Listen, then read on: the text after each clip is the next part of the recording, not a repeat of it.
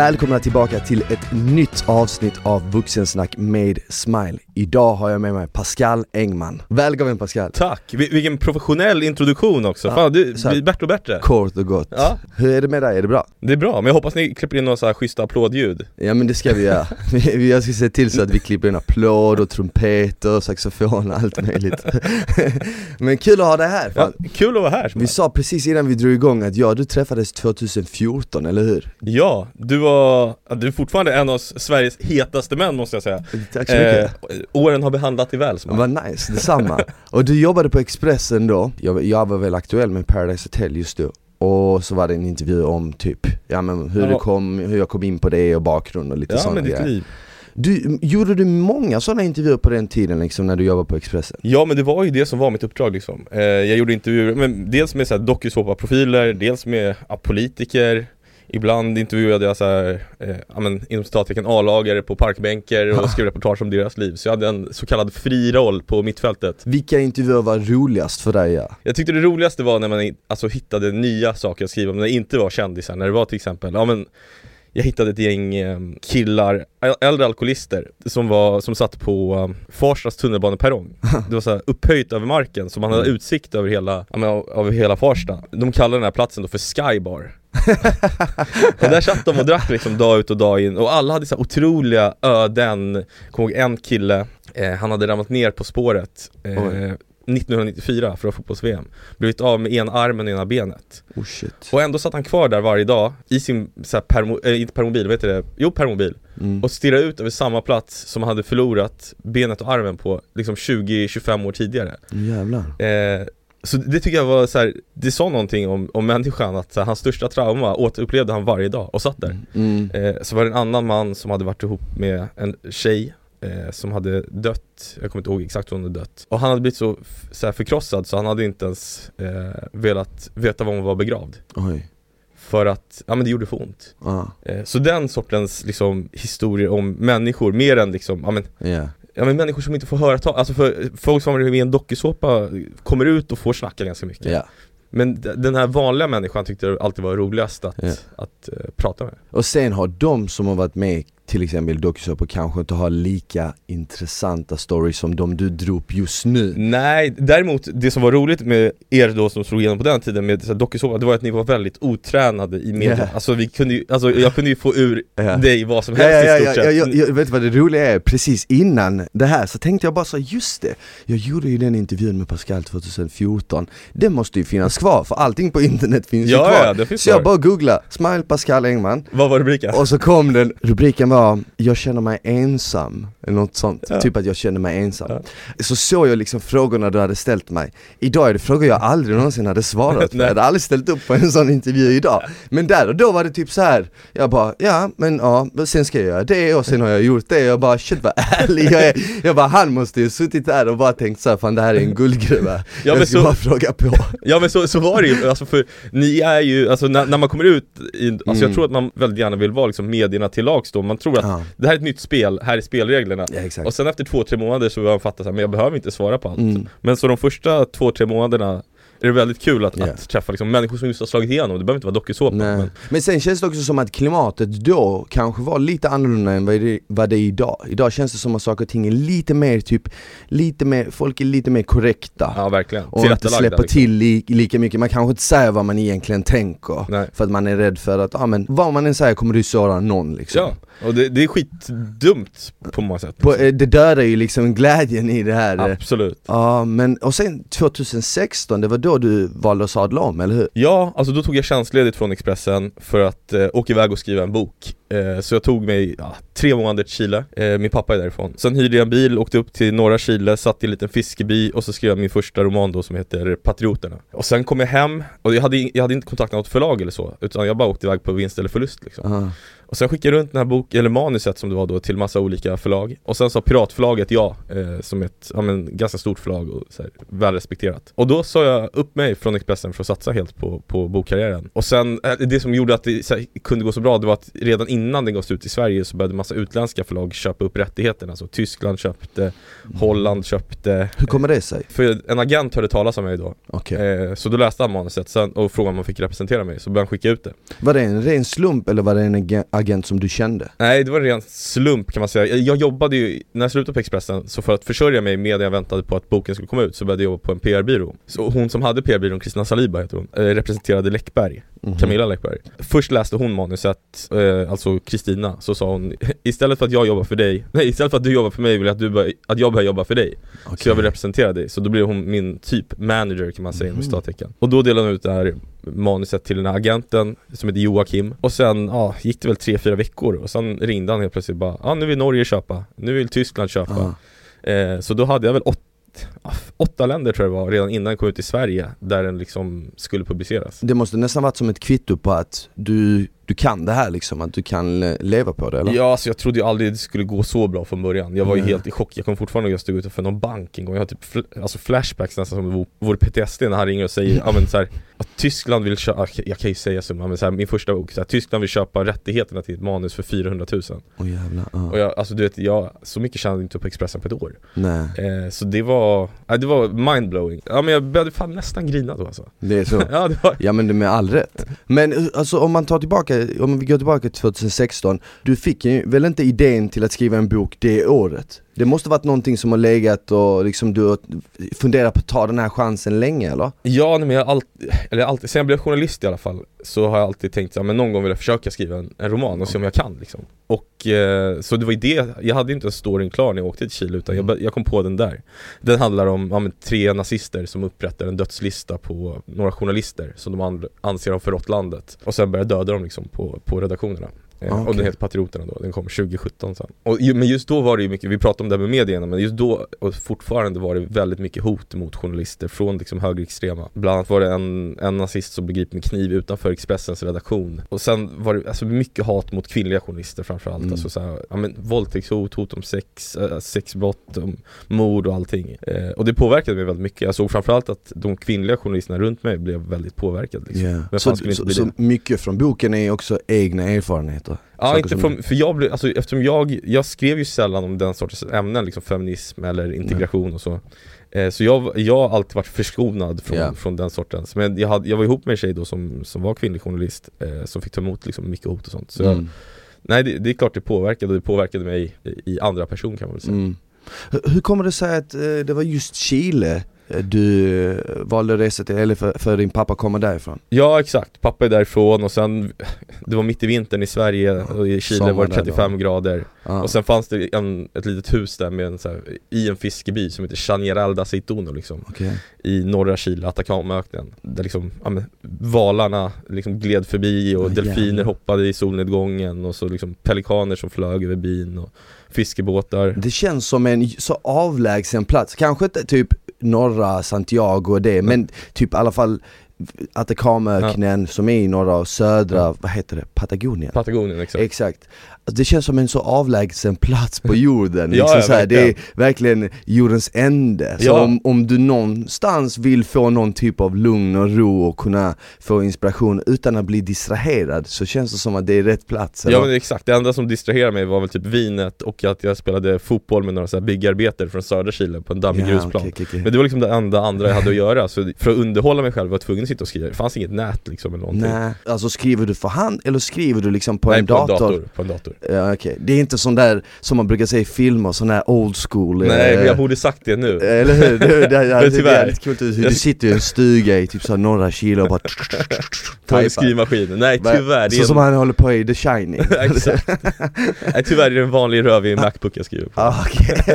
ja, ja, men det är ju 2020 nu Ja. liksom. Men okej, men hur ser det ut när du kommer dit på plats? Är det typ så, gör du ett schema för hur du ska skriva? Alltså jag, jag lever ju väldigt strukturerat där, sen har jag ju skrivit tre böcker efter det Mm. Så då har jag ju byggt upp rutinerna, jag Ja. går upp vid åtta på morgonen och då sätter jag mig direkt och skriver till kanske klockan ett Sen äter jag lunch vid ett och sen chillar jag fram till tre och då åker jag och min flickvän Linnea in till eh, gymmet och gymmar som ligger i en stad eh, i närheten och sen åker vi tillbaka till gården där vi bor. Jag, numera skriver jag inte böckerna längre i den här fiskebyn utan i ett hus som mina föräldrar och min syrra äger. Ja, Okej, så nu har du levlat upp lite Ja exakt, exakt. Men eh, efter du varit på gymmet, då fortsätter du skriva lite till? nej, nej. Så det är bara liksom Det är 3-4 tim- timmar om dagen? Ja, exakt. Varför är det så? Är det för att du känner att dosen av liksom inspiration tar slut efter 3-4 timmar? Nej, mer att orken i huvudet tar slut. Alltså Ja. du sitter väldigt koncentrerat. Det är nog det enda sättet, äh, enda gången i här, mitt liv som jag sitter och in, inte tänker på någonting annat. Annars, Ja. alltså alla tankar försvinner ju. Så du blir väldigt så här, mentalt dränerad efter ett Ja. skrivpass. Eh, jag tror att äldre eh, författare som har skrivit längre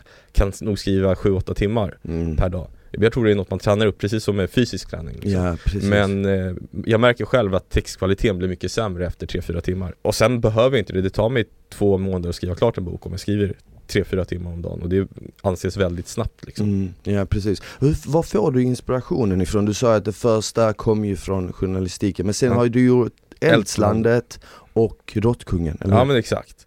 Ja men om vi tar Råttkungen som är min senaste till exempel. Det är den andra boken då om Vanessa Frank som är den serien jag håller på med nu. Då hörde jag talas om något som heter incel-rörelsen. Mm. Känner du till den?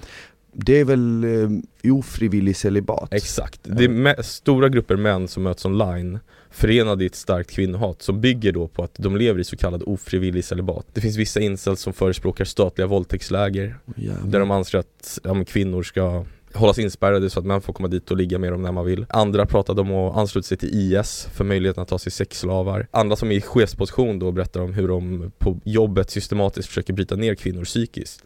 För att, ja men jävlas med dem helt Och så, enkelt. så, så, sådana här forum finns alltså? De finns på I riktigt Sverige? Det finns i Sverige och finns framförallt i USA Den här boken kom ut då 2019 förra året Åren tidigare hade 49 människor blivit skjutna i olika liksom, incel-relaterade massskjutningar i USA och Nordamerika eh, Så det är en väldigt så här, mörk plats eh, och då, och det finns svenska incels också, det vet man Det var ganska stor debatt och skrevs mycket om det förra hösten då när boken kom men, Och då tänkte jag så här så, ja, men så Råttkungen kan man säga handlar om tre inom citattecken vanliga kvinnomord och utredningar av dem som till en början ser ut som vanliga svartsjukemord. I Mm. Sverige mördas ju 13 kvinnor varje år av sin man eller exman liksom. Men i det här fallet då så pekar utredningarna allt mer mot den så kallade incel-rörelsen Okej. som alltså finns. Det är sådana saker som, ja men det låter fel att säga inspirera men jag vill ju skildra verkligheten. Ja, Jag har svårt för liksom allt för påhittade stories. nej precis. Eh, utan jag vill att det ska utgå från verkligheten alltid. Märkte du något hat från någon av den rörelsen när du släppte boken? Inte alls. Inte det? Nej, inget alls. Däremot eh, fick, alltså, det var inte bara min förtjänst men det började pratas väldigt mycket om insiderrörelsen så folk blev väldigt medvetna om den då förra Mm. hösten liksom. Och det är bra för det är, en, alltså, det är en farlig rörelse Det är det ju. Just efter man, man avhumaniserar kvinnor hela tiden Och avhumanisering, alltså det är en psykologisk försvarsmekanism som Mm. gör att det blir lättare att i förlängningen skada eh, en utpekad grupp människor I det här fallet kvinnor då Det är så man förklarar till exempel att eh, tyska män och kvinnor kunde arbeta i koncentrationsläger under andra världskriget för att då hade man avhumaniserat judar, romer och Mm. eh, homosexuella under flera år. Eller ta IS idag till exempel, de kallar ju aldrig oss västerlänningar för, ja, men för människor utan de kallar oss istället för ja, imperialister, grisar, otrogna. Mm. Och det gör de för att deras anhängare ska få lättare att skada oss fysiskt. Ja, så man nästan eh, eh, separerar sig från den andra människan. Exakt, och bryter ner liksom deras Ja. människovärde. Och när man gjort det tillräckligt länge då blir det lättare för en att skada en annan människa. Mm. Men vadå, tror du att det finns folk som lever ofrivilligt celibat i Sverige? För det känns ju ändå som att bara du liksom är trevlig eller liksom är bemötande och har respekt så kanske du kan, inte träffa vem som helst, men någon som passar dig liksom. Ja, ja jag vet att det finns för det det, skrivits- kanske är svårt för mig att prata om det. Ja du, ser- du ser ut som en jävla fotomodell också. Nej, men- jag, jag ser ut som en utspottad snus bredvid dig. Nej det gör du men, inte. eh, men nej men så här, eh, jo det finns, alltså, och jag tror att det är väldigt, alltså för en, om vi ska generalisera lite, men jag tror framförallt för, kanske för män att bli avvisade sexuellt, tror jag är väldigt svårt psykologiskt för att det är som att säga så här, men du är inte värd att fortplanta dig, ditt DNA eller din, så här, dina gener är ingenting värda. Ja. Och jag tror att det rent biologiskt är liksom svårt för en, vilken person som helst att höra det, men för män. Och det finns väldigt många män i Sverige idag som lever i ofrivillig celibat. Ja. Av olika anledningar liksom. Och sen tror jag också att, som du säger, med tiden, med längden, om det händer gång på gång så tror jag också det är någonting som kan ändra din personlighet. Ja, ja. Att Skapa du en går bitterhet. i- bitterhet. Eh, exakt, att du går ifrån att vara en positiv människa till att bli bitter, arg och, och senare till och med hata. Absolut, och sen blir det, där blir en ond cirkel också för att Sen Om när du du- träffar andra i samma situation då är det bara liksom Ja, då göder man sitt hat Ja.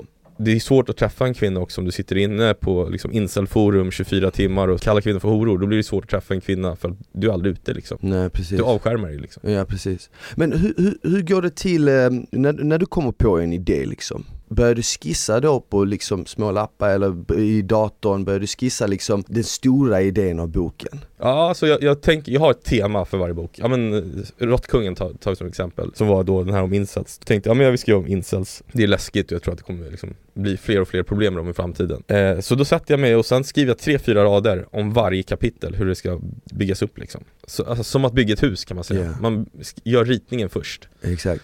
Och sen så håller jag på så i två, det tar, det tar väl två månader bara att så här, komma på själva grundstoryn Mhm. eller själva storyn. Och, men då har jag liksom boken klar, då, då har jag ritningen klar. Då vet jag, då är det enda jag behöver göra sen när jag kommer till Chile att sätta mig ner och skriva själva manuset. Ah, liksom. okej. Men det är det jag tror många som vill skriva en bok gör fel, att de har inte berättelsen klar när de sätter sig och skriver utan de tänker så här, ja men idag ska jag skriva en bok. Och så skriver de två sidor och sen bara, nu då? Och då måste de sitta och tänka istället för att, då kan jag bara säga, ah, vad ska hända nu? Bra, då skriver jag ner det. Och så tror jag att de flesta professionella författare gör, för att det är väldigt svårt om du inte är liksom ett geni Ja. att bara sitta och skriva på inspiration. Det är, Exakt. det är nästan omöjligt ska jag säga. Ja, men det är väl lite som eh, en artist kanske inte bara kommer och bara ställa sig inne i studion och bara, bara spotta ut en hel låt och sen Exakt. gå hem. Om du inte är typ såhär John Lennon. Ja men typ, exakt. Men okej, så, så den första månaden, två, då är det liksom grunden, ritningarna och sen kommer den här resan till Chile. Exakt. Där brukar det vara ungefär tre månader. Ja. Efter den resan, då har du liksom boken klar. Ja, sen är det alltså små pill oftast, alltså exakt. stryka ord och sånt som redaktörer gör liksom Mm. eh, från bokförlaget då. Så då sitter de och stryker och kommer med förslag kanske, så här, den här karaktären borde göra här, Mm. så här istället och så. Ja. Men annars är, det, annars är den i, sto- i stort sett klar brukar det vara när jag kommer Ja. hem från Chile. Nu släpps ju min nästa bok Änkorna den 21 september och sen i oktober, eller om det är november, ska jag iväg på tre resor utomlands. Jag tror det är Chile, Tyskland och Spanien. Okej. Om jag nu kommer iväg, man vet ju inte hur det blir då Vad handlar änkorna om? Änkorna handlar om islamistisk terrorism Eh, En terrorattack mot Sverige Man får se om den lyckas eller inte i boken Men du, du har ju släppt en bok varje år nästan Ja. sen du drog, Känner du någon press liksom att du måste göra det varje år eller är det bara så du vill göra? Jag vill göra, alltså jag är aldrig så lycklig som när jag sitter och skriver Alltså Ja. jag, jag blir helt rastlös när jag inte har något projekt Ja. så, så jag, alltså jag gör det för att jag tycker det är så, alltså det är det roligaste jag vet Att gå helt in i ett projekt, Ja. i någonting eh, Jag kommer när jag, när jag jobbade på Expressen Så intervjuade jag en gång Andreas Klerup. Eh, musikern. Och så sa han, han bara, det mäktigaste känslan jag som så här, ja, konstnär eller artist kan känna det är att gå från idé, en tanke i mitt huvud till streckkod på en skiva. För det var så tydligt för honom, liksom, en fyrkantig skiva liksom, med en streckkod på Ja. sig. Jag förstod det kanske till 90% då, men nu förstår jag det helt ut för att det är ganska mäktigt att något som bara fanns i mitt huvud nu sitter och läses av, ja men Råttkungen har sålt liksom 100 000 exemplar. Mm. Ja, Det är så mäktigt och sen får man dessutom en så jävla kärlek för de människor som läser ens bok. För Ja. att de tar ändå så här, ja men en inbunden bok i Sverige idag kostar 200 spänn. Ja. De tar ändå 200 kronor av sina liksom surt förvarvade pengar på jobb som de ibland inte tycker är så jävla roliga. Mm. Och så går de och köper det jag har tänkt och jag har hittat på liksom. Ja, Det är ett, fan, det är ett privilegium att jobba som författare alltså. Ja, men det, det, jag kan tänka mig det för det är lite som du säger, allting man skapar, det startar ju bara med en tanke Ja.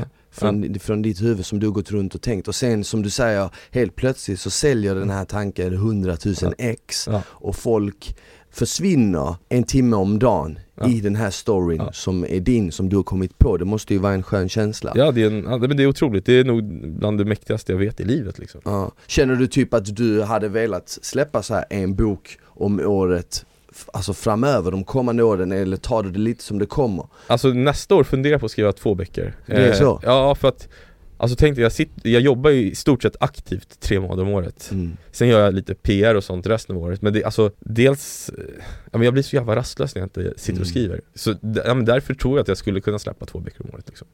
Men när du väl är där nere och jobbar, Mm. tar du bort telefonen då eller har du telefonen med dig? Nej jag har telefonen med, med mig, men inte när jag sitter och skriver liksom. nej, nej, nej De men, tre, fyra timmarna eh, ah, men om ute. dagarna annars så har du liksom telefonen. Jag tänker Ja typ men om mycket mindre, kan... mycket mindre. Ja. Alltså det blir ju så för man lever, alltså där bor vi på en gård som heter Tatara Ja. eh, liksom, Den ligger, visst vi har några grannar utspridda men det är liksom, det är en stor olivgård med utsikt över bergen Ja. Och jag är där med liksom, ja men min syrra som bor där, hon är läkare och, och bor i, i, på Tatara då. Och så min, min flickvän Linnea. Så det, det blir liksom, man blir vä- väldigt ja, men isolerad, det blir som en bubbla liksom. Man är inte så intresserad av vad som händer i Sverige på det sättet då, Nej. eller vad som händer runt om en. Eh, Och så har jag en massa hundar där och nej men jag har mitt liv där liksom. Hade du kunnat flytta till en sån plats? Nej alltså jag är så jäkla, jag, jag är så svensk på det sättet, jag skulle aldrig kunna bo i Chile permanent. Nej.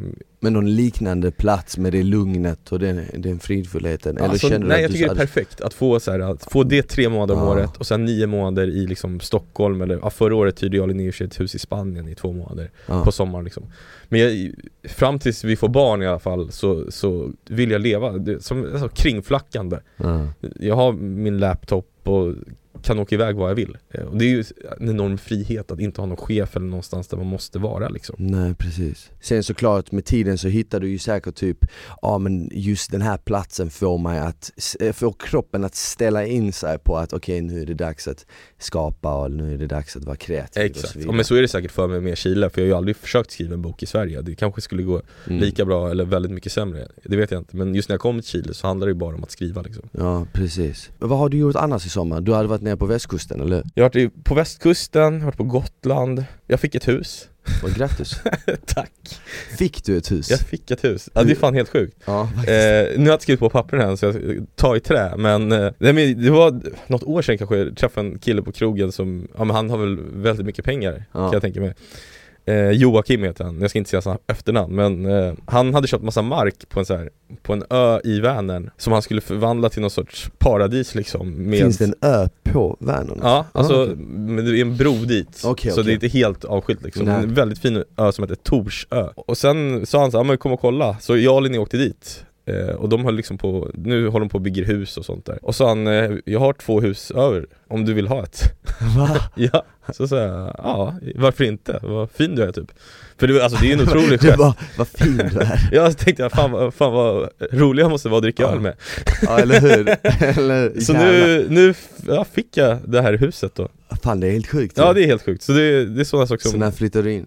Nej men jag, det, det kommer vara ett landställe då, Ja, eh, såklart. för det är tre, fyra timmar från Stockholm, men nästa Ja. sommar förmodligen Fan vad häftigt ändå, bara sitta liksom och snacka med en snubbe och sen bara helt plötsligt få ett hus på en ö Ja, nu är inte papperna påskrivna Nej, ska inte säga något så. Men eh, förhoppningsvis kommer det snart Ja. Hur var det på Gotland? Var det nice då? Ja, det var kul. Eh, jag gillar Gotland. Jag och Linnea var där, min flickvän då. Eh, reste runt lite och jag skrev och hittade inspiration. Så jag, skri- jag skriver ju fan varje dag, förutom julafton och min födelsedag om året liksom. Alltså lite grann, lite så här. Ja, sitter och hittar på annars om, alltså små noveller och allt Mm. möjligt liksom. Så det var väl det, alltså det var liksom en skrivresa också, men med semester. Jag läste någonstans att det var typ så här 60 000 besökare på Gotland i år Ja, Och Gotland har ju typ 60 000 invånare ja men exakt. Nej men, ja fast det kom mer folk sen. De första dagarna var ganska lugnt. Vi var där, vad var det, två, tre veckor sedan. Men sist, de sista dagarna vi var där, då märkte man verkligen att då började det bli helt Ja. överfullt liksom. Men det måste ju vara för pa- pandemin så är det ju på grund av corona så är det mer människor som stannar kvar i Sverige Ja, ja, och Har det påverkat dig på något sätt? Alltså jag blev ju sjuk, eh, jag, har inte fått, jag har inte fått det bekräftat att det var covid-19 då men jag låg ju med feber, alltså det här var i april, då Mm. när det var som absolut värst i Ja. Stockholm i alla fall Med feber i två veckor och liksom tappade ja, 5-6 kilo i vikt för jag kunde inte äta eh, Inget luktsinne och sen ja, men den här febern och liksom svettningarna på nätterna Jag kände ju också en liten sån här, men för mig var, var det en natt Så jag var inte Aha. säker på om det var någon typ av frossa eller vad det var men Från ingenstans så började det svettas, frös, sov med dubbla tecken och sen när jag vaknade på morgonen så vaknade jag i en pöl liksom Och sen to- efter jag tog en dusch så var det borta Aha. Så jag vet inte om det var typ att det försökte angripa sig på kroppen och sen kroppen studsade, tog bort det liksom. Men jag har inte testat mig faktiskt för det. Har Ja. du gjort det? Nej jag har inte gjort det, så jag, Nej. jag vill nog göra det men jag, jag är ganska säker på att det var det Jag, jag tappade ju luktsinnet och smaksinnet Ja. och allt sånt Ja men så här, alltså feber i två veckor, det var fan, det var Mm. läskigt Men det känns ju nästan som att hela det här året har varit ett sånt galet år. Hade du, hade du velat skriva en bok om 2020 så hade du kunnat göra en typ en bok på gränsen till en sci-fi thriller, eller hur? Ja men exakt, jag sitter nu och planerar min bok efter änkorna Ja. Och då, då funderar jag på hur mycket jag ska ha med just coronan och sånt Alltså, Ja. jag undrar om folk inte kommer vara så otroligt trötta på skiten då Mätta på det. Ja, Ja. fast det, jag vet inte, jag får se, vad tycker du? Det här kanske hade varit populärt för att många kan relatera till det. Alla har någon i sitt liv som alltid får panik när det inträffar något. Mm. Alla har någon som tar det liksom med en klackspark och bara ah, det är lugnt, vad fan. Och, och sen någonstans mellan de två människorna hittar man ju sig själv. Ja, ja exakt Eh, och, och, så jag tror ju på sätt och vis ändå att det hade varit intressant, speciellt om utgångspunkten i boken kanske var Stockholm. Exakt Som har varit typ den delen i Sverige som, för jag vet ju liksom när jag har åkt när jag åkte till Malmö under mars, april, Mm. då var det ju många som sa fy fan du, kan du får inte åka till Malmö Och sen när jag kom ner till Malmö var det ju många som pratade om oss här uppe som att vi var liksom ett annat folk Ja, exakt och bara oh shit fan, eh, shit det är kaos, hur är det i Stockholm du vet? För att Ja. du som jobbat som journalist, du vet ju också hur mycket media styr Ja, en, jo jo en men syn på liksom saker och ting. Om det enda man hör i tidningar och tv och nyheter är liksom om pandemin, hur knas det är, då kommer ju folk helt plötsligt bara prata om det och det var ju Ja, det som ja men också, man får inte glömma att det var ju kaos, alltså, Ja. Stockholms sjukhus var ju överfulla och massa Ja. människor dog Ja, ja. Så, det skulle varit konstigt om media tonade ner det. Men, eh, nej men jag håller med, det var alltså just synen på stockholmare under den här månaden. Mm. det var, Precis som du sa, det var som att vi var ett helt annat folk liksom. Ja, ja, och man kunde inte riktigt åka någonstans i landet utan att alla bara åh shit, nu kommer det komma hit också från Stockholm Ja, nej Det var vårt fel Och, ja vet, och på grund av att eh, det bor flest folk i Stockholm och alla i Stockholm liksom ändå gick ut och du vet gick på restaurang och hit och dit Så var det precis som att ja, men vi bidrog till att det blev en större spridning Ja. liksom och det blev värre Men saknar du Malmö? Ja, både ja och nej. Alltså jag, jag tycker det är nice för att jag hälsar på rätt ofta. Så jag är där nere en gång varannan månad, typ en gång i månaden är jag där i alla fall en helg. Och då får jag min dos av Malmö. Mm. Men eh, det som i att jag vill flytta tillbaka, det gör jag inte nej. Ja, okej. Jag ser inte heller min framtid riktigt helt och hållet i Sverige. Jag gillar typ södra Europa, jag Ja. gillar det klimatet kring medelhavet. I framtiden kommer jag nog hamna där Aha. på något sätt. Till exempel Mallorca, jag gillar den ön. Jag gillar eh, Bosnien, Kroatien, jag gillar Balkan där omkring. Så någonstans där tror jag. Jag älskar Stockholm Mm. Och jag älskar livet här i Sverige. Men det enda Tre är månader om året under sommaren Exakt, det är ju det bara. Det, det Ja. enda jag liksom stör mig på lite, det är när hösten och vintern börjar krypa in och Ja, det jag börjar bli det. kallt. Jag har inte upplevt en svensk vinter på sju år, sju år kanske, jag åker ju alltid till Chile så Ja men då så, då, exakt och då är du där i typ tre månader. Ja. Och man märker ju det på folk typ när sommaren kommer in, man märker ju hur folk blir lite trevligare Ja, du ja. vet. lite, mycket ja men typ mycket trevligare och du vet så här, ja men gladare och folk har inte problem att stanna upp och prata lite Nej. och så vidare. Och man märker den här skillnaden som börjar komma när oktober kickar in. Ja då får man ju smäll om man säger hej till någon ja men typ, och du vet så här, om du håller upp dörren så kollar folk på dig som du är dum i huvudet typ. Eh, Medan när jag åker till de här länderna så märker jag liksom hur folk är lite varmare, lite Ja, trevligare och Ja men det beror ju mycket på vädret också. det beror och otroligt mycket ljuset. på vädret. Ja. Var Hemingway en inspiration för dig när du var yngre? Han borde vara en inspiration för alla författare tror jag Men Mm. det är inte, alltså, han är ju på en annan nivå än vad jag och de flesta andra författare. Han är ju på, alltså, genialitetens rand Det är tyvärr inte jag Vad är det som gör en författare riktigt bra? Dels handlar det om språket och sen handlar det väl om att kunna, kunna avgöra vilken information som är viktig för att en läsare ska kunna ta till sin berättelse. Vissa författare kan skriva saker som inte är så viktiga för själva berättelsen men de skriver den på ett så sätt, sånt sätt så att det ändå blir underhållande eller viktigt att läsa det. Mm. Som en konstig scen i en serie till exempel som kanske inte har så mycket med handlingen att göra men den får dig att känna någonting för karaktären ändå. Menar- men det är en väldigt svår, fråga för det finns ju så många olika sorters Ja. författare som är så bra på olika, men det är en väldigt Så bra bra. fråga. Någon borde sätta fingret på det. För det, det känns ju som att du kan ju berätta en, du kan ju berätta en historia på hundra olika sätt Ja. Och du som som en duktig författare kanske du vill hitta det sättet som har störst genomslagkraft. Ja, Som fängslar läsaren på bästa möjliga sätt. alltså när du säger att, att man kan berätta en historia på hundra olika sätt, du har dels rätt men du har dels också fel för nästan alla berättelser, även tv-serier och, te- och liksom filmer, allt berättande handlar ju om att du har en karaktär som ska förändras på ett sätt. Det är Ja. det det handlar om, handlar om. Det är därför vi människor gillar att ta till oss berättelser. Att en person läker, man snackar, i USA, i Hollywood snackar man om core wound, alltså personens sår. Om du som all till exempel aldrig var älskad av din mamma Mm. och du är en karaktär i en bok Mhm. så kan du antingen i slutet av boken förstå att du visst kan älskas av andra personer eller så lär, lär du dig det aldrig och då blir det en tra- tragedi. Nästan alla böcker och filmer och tv-serier handlar egentligen Mm. bara om en sak. Men Det det är är det, om personen läks eller inte läks på slutet. Ja men det är det jag menar, alla, alla filmer eller böcker har samma grundstory. Eh, det är som eh, den onde versus den goda, Ja. eller liksom den. Ja men exakt. Men vad jag menar med, med är att alla har samma grundstory men den storyn kan man berätta på massa olika Absolut, sätt Med absolut. olika karaktärer, med olika plotter, med ja. olika, det vill säga Ibland kan jag uppfatta det när jag läser vissa böcker så känns det som att vissa författare vill tala med ett så svårt språk som möjligt att jag uppfattar nästan som att okej, de kanske vinner de som verkligen kan det här språket Exakt. men det är som få procent. Det är nästan som om jag som PT, om jag ska visa övningar som jag lärt Som mig efter gjorda för- tio ja. år, då kanske bara 2% av alla som kollar kommer vara intresserade för de kommer säga, jag kan inte förstå det Nej. där, jag kan inte göra den här övningen. Men om jag visar de där grundövningarna som jag gjorde när jag började, som är minst lika bra, då kanske helt plötsligt jag vinner 98% av alla för att alla känner att åh det där kan jag också göra. Exakt. Lite, som, lite så kan jag uppfatta med vissa böcker, att vissa talar med ett så komplicerat språk att det blir nästan som att de förlorar många läsare. Ja men det, det kan jag hålla med om. Jag, jag vill ju nå ut till så många som möjligt, jag vill att så många som möjligt ska ta del av mina böcker. Så därför, alltså jag skriver ju väldigt enkelt liksom. Jag Mm. skriver ju som ja, men kvällstidningsprosa kan man väl säga. Den svårighetsnivån i språket. Mm.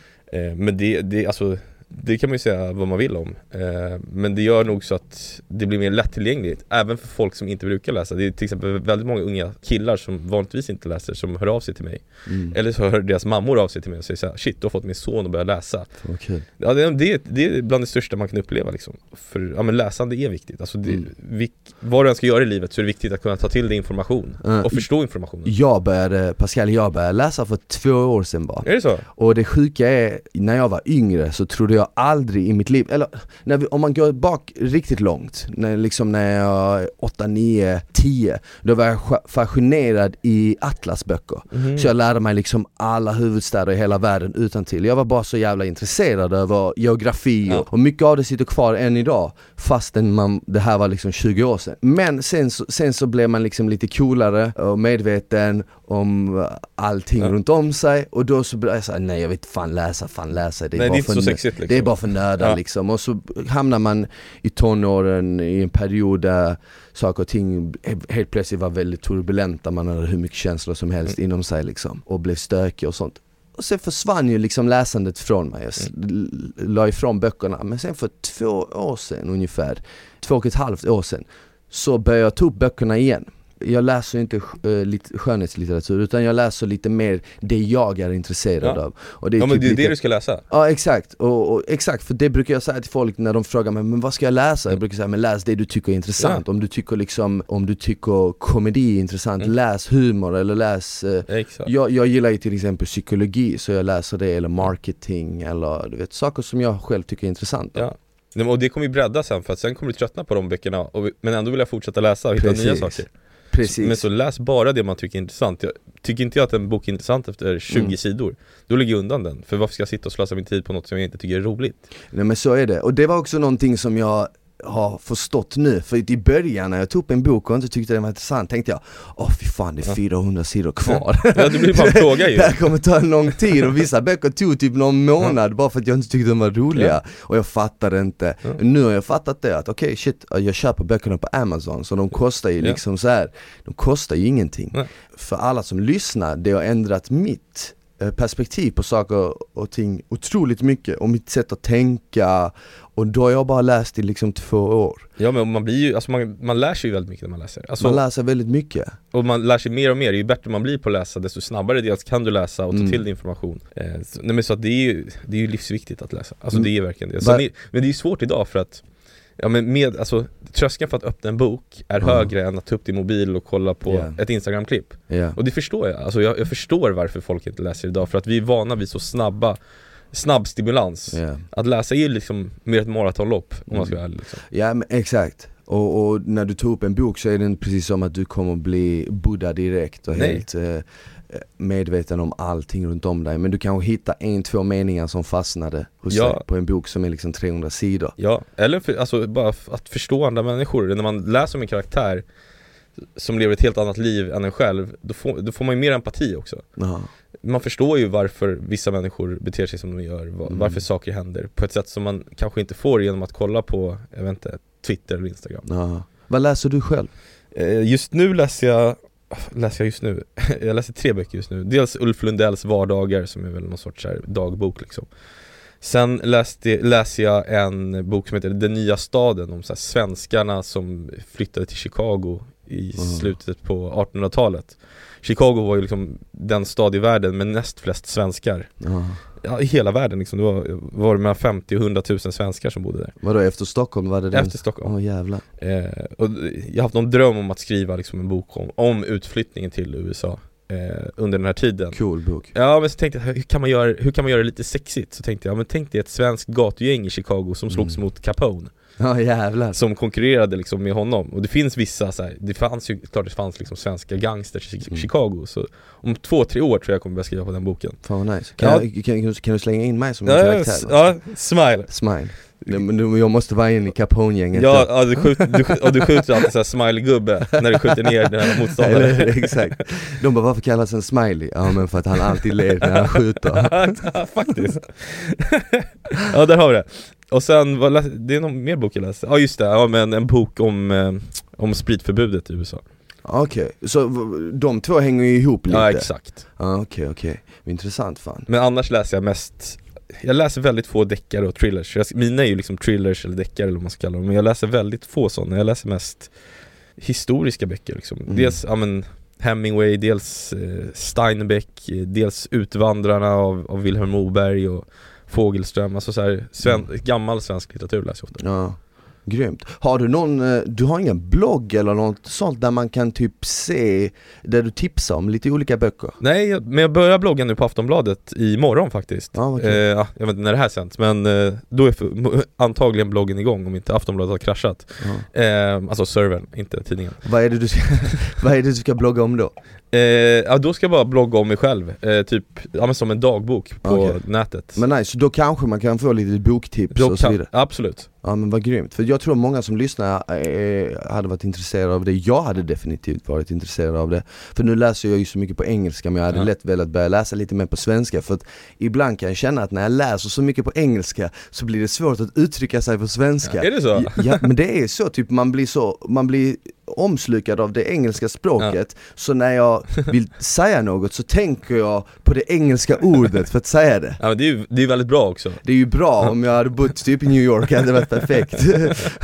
Ja men nice, Pascal jävligt kul att ha dig här. Tack för att vi fick komma, Ja det otroligt, var väldigt roligt. Vad kul. Jag hoppas också att du kan ge mig lite tips på, för jag vill börja skriva en bok om eh, mitt liv. Absolut Så jag hoppas ändå att vi kan på något sätt, eh, att du kan på något sätt ge mig lite tips där För jag vet inte exakt vart man ska börja, hur det ska gå till och så vidare Ja men får, vi får ta det, Ja. vill du ha det nu eller menar Nej du? inte nu, vi tar det, a- vi tar det off eh, mic, Off så, mic. Så, så att folk inte liksom, så de inte vet vad som komma ska Ja men det är bra, det är Nice. bra Och för alla som eh, lyssnar, var hittar de dig? På Instagram?